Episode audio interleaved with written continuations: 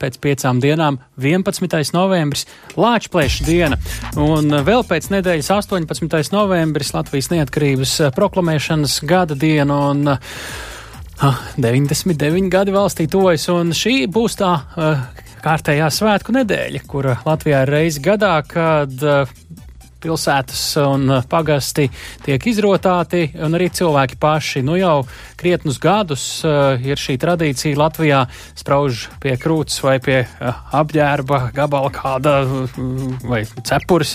Atceros arī tādi gadījumi redzēt šīs uh, sarkanbats sarkanās lentītes. Un ar to saistīts arī notikums, kurš šodien uh, notika pie kara muzeja. Tur iededza brīvības cīņu dalībniekiem veltītu ugunskuru, un uh, tas arī iesāk uh, nedēļu līdz Lāčplēša dienai. Kara muzeja direktorā Aija Flēja pie mūsu klausos. Labdien! Labdien! Iedegts brīvības cīņu piemiņas ugunskurs uh, īsumā par šo notikumu. Kas notika? Jā, nu, to gribētu saukt par tādu novembra uguns ceļu, kad mēs iededzam šeit 6. novembrī pie kāda muzeja, un tas liks cilvēkiem apstāties un padomāt, ka tuvojās ļoti nozīme, nozīmīga diena, tas ir 11. novembris un Latvijas diena. Tas ir tā diena, kad uh, Latvijas neatkarības karā uh, faktiski bija izcīnīta uzvara. Un tad jau 11. novembrī šis uguns ceļš turpināsies Daugaumālā, sve, sveču liesmām, lāpu gājienos, ne tikai uh, Rīgā, bet arī visā Latvijā. Un 18. novembrī tas noslēgsies ar tādu ar svētku ugunīm, atzīmējot 99. gadsimtu kopš Latvijas valsts nodibināšanas. Bet šis ir tas sākums šim Jā. novembra ugunsceļam. Ugunskurs ir tik iedegts šodien un degslī kādu laiku, vai tas ir tāds vienreizējs bija? Uh, nē, šis ugunskurs degs līdz pat 11. novembrim. Jā. Jā, līdz 11. novembrim vēlam. Un 11. novembrī pie Kara muzeja būs plaša programma, koncerti būs, Uh, gan ārpusē, pie muzeja, gan muzeja iekšpusē.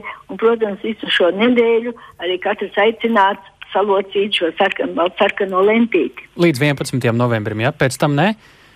Nu, pēc tam tad uh, ugunskurs vairs šo te speciālo ugunskurs tad mums vairs nedegs. Jā. Tad sāksies jau svētku dienas un vienkārši. Nu, es domāju, lentīti līdz 18. À, varbūt varēs locīt, vai to arī līdz 11. Nē, lentīti līdz 11. Labi. novembrim, jo tas parasti saistīts ar Latvijas tā tradīcija ir, tad veselu nedēļu uh, locīsim šīs lentītes un dāvināsim aiznesīsim Jā. uz mājām tuviniekiem. Jūs tā laikus sākat, tāpēc, ka kara muzejam jau pavisam noteikti ir brīvības cīņas ļoti svarīgs notikums, un uh, jau laikus uh, sagatavoja cilvēks ar šīm lentītēm svētku nedēļā, lai nav tā, ka nedēļa jau sākas, un uh, jā, lentītes jā. vēl tikai lēnām aprīkojamies, tā teikt. Jā. Un ir tā, ka ne tikai lentītes, kas atgādina, ir valsts svētki tagad atzīmēsim, bet mm -hmm. arī tas, ka šodien pie kara muzeja bija arī militārā tehnika, ko atveda mūsu bruņotie spēki. Svētku pasākumā piedalījās arī uh, NATO valstu bruņoto spēku pārstāvi bija šeit. Tā kā šai vēsturē blakus nāk arī mūsdiena ar, ar savām, ar to, kas ir svarīgs mūsdienās. Ar savām drošības mūsu... un aizsardzības aktualitātēm. Jā, Jā labi. Labi. Uh, cik daudz lentīšu šodien izdalījāt? Kā jūs varat izmērīt? Varbūt? Uh, ziniet, mums jau sākās jau pēc septiņiem, no. Nu. kad ieradusies pirmā skola, Oskar Kalpaka uh, pamatskola. Un viņi salocīja lentītes, vēl kādas divas tūkstošas, ko mēs šodien uh, atdevām samāriešu apvienībai, kas to tālāk nesīs uz pansionātiem, tiem cilvēkiem, kuri paši nevar atnākt, bet ka, kuriem arī ir svarīgi šī svētku sajūta, lai viņiem būtu.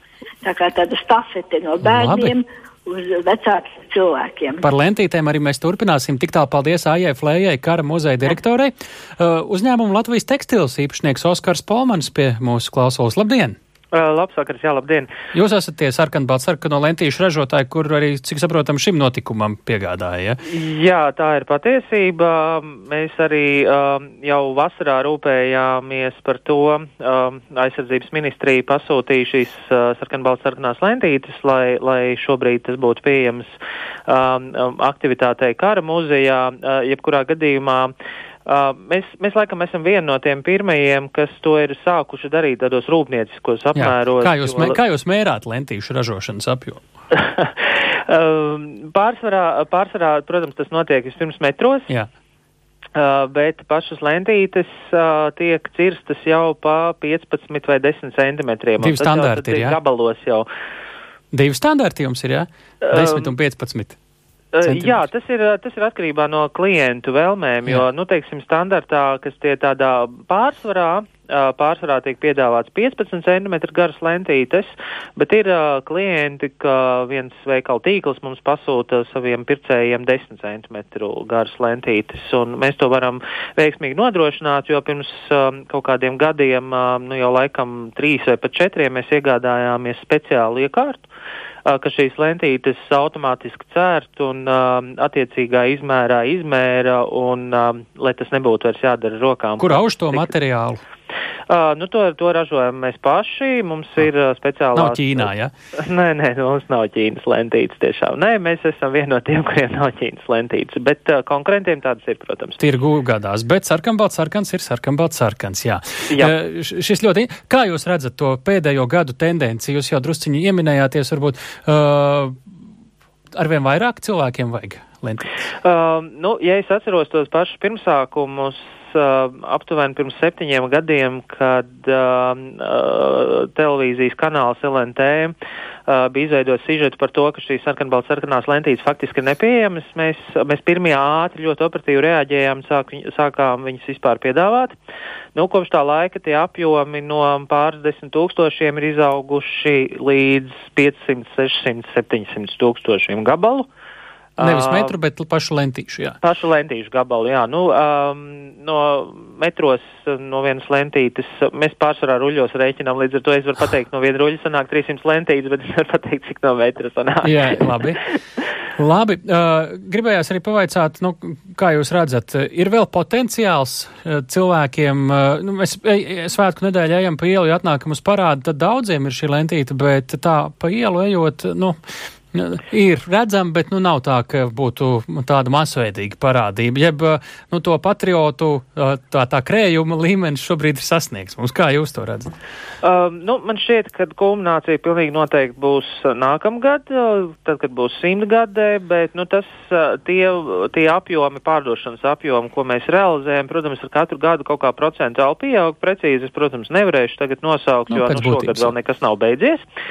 Uh, bet, uh, nu, tīri mana, mana acs uz ielas saka un, un pamana, ka tomēr ir šīs lentītes arvien vairāk. Un, un, un, un, un tomēr var redzēt diezgan daudz, un arī sabiedriskā transportā, ja jūs brauksiet šajā svētku nedēļā un arvien tuvāk 11. novembrim, uh, tomēr pamanīsiet, Labi. ka cilvēkiem pie krūtīm ir, un, un viņiem tas ir ļoti svarīgi. Mums vēl ir 30 sekundes. Es gribēju vienu lietu pavaicāt. Kā pareizi jāliek tā lentīte? Ir vispār pareizais variants, vai kā nu kurš cilvēks var uh, tie burtiņš tā kā V uz augšu vērsts, vai ir tā cilpiņa galā, vai vienkārši pārlocīt uz pusēm? Uh, nu, pirms pāris gadiem aizsardzības ministrija rekomendēja, ka tomēr tā kā uz augšu, uz augšu Labi. vērsti lentīti jāliek, nu, lai apzīmētu. Daži tādu rimbulīti vēl tā kā tādu lociņu apakšā uztais, nevis vienkārši locījumu. Var arī tā darīt. Es domāju, ka, nu, tas vairāk ir tāds, kā, kā mēs, mēs parasti sakam, ja, ja jūs jūtat, ka šādi jums patīk labāk, dariet tā, kā jūs jūtat labāk. Jo, nu, vai tiešām mums visu vajag ielikt tikai kaut kādos konkrētos rāmjos, ka kaut kā tā ir pareizi? Ir, kur, vai, vai ir kurš grib kaut kā, kā ir pareizi. Nu, visādi cilvēki, jā. Tas, tas tieši tā. Jā, liels paldies Oskaram Palmanim, Latvijas teksta īpašniekam.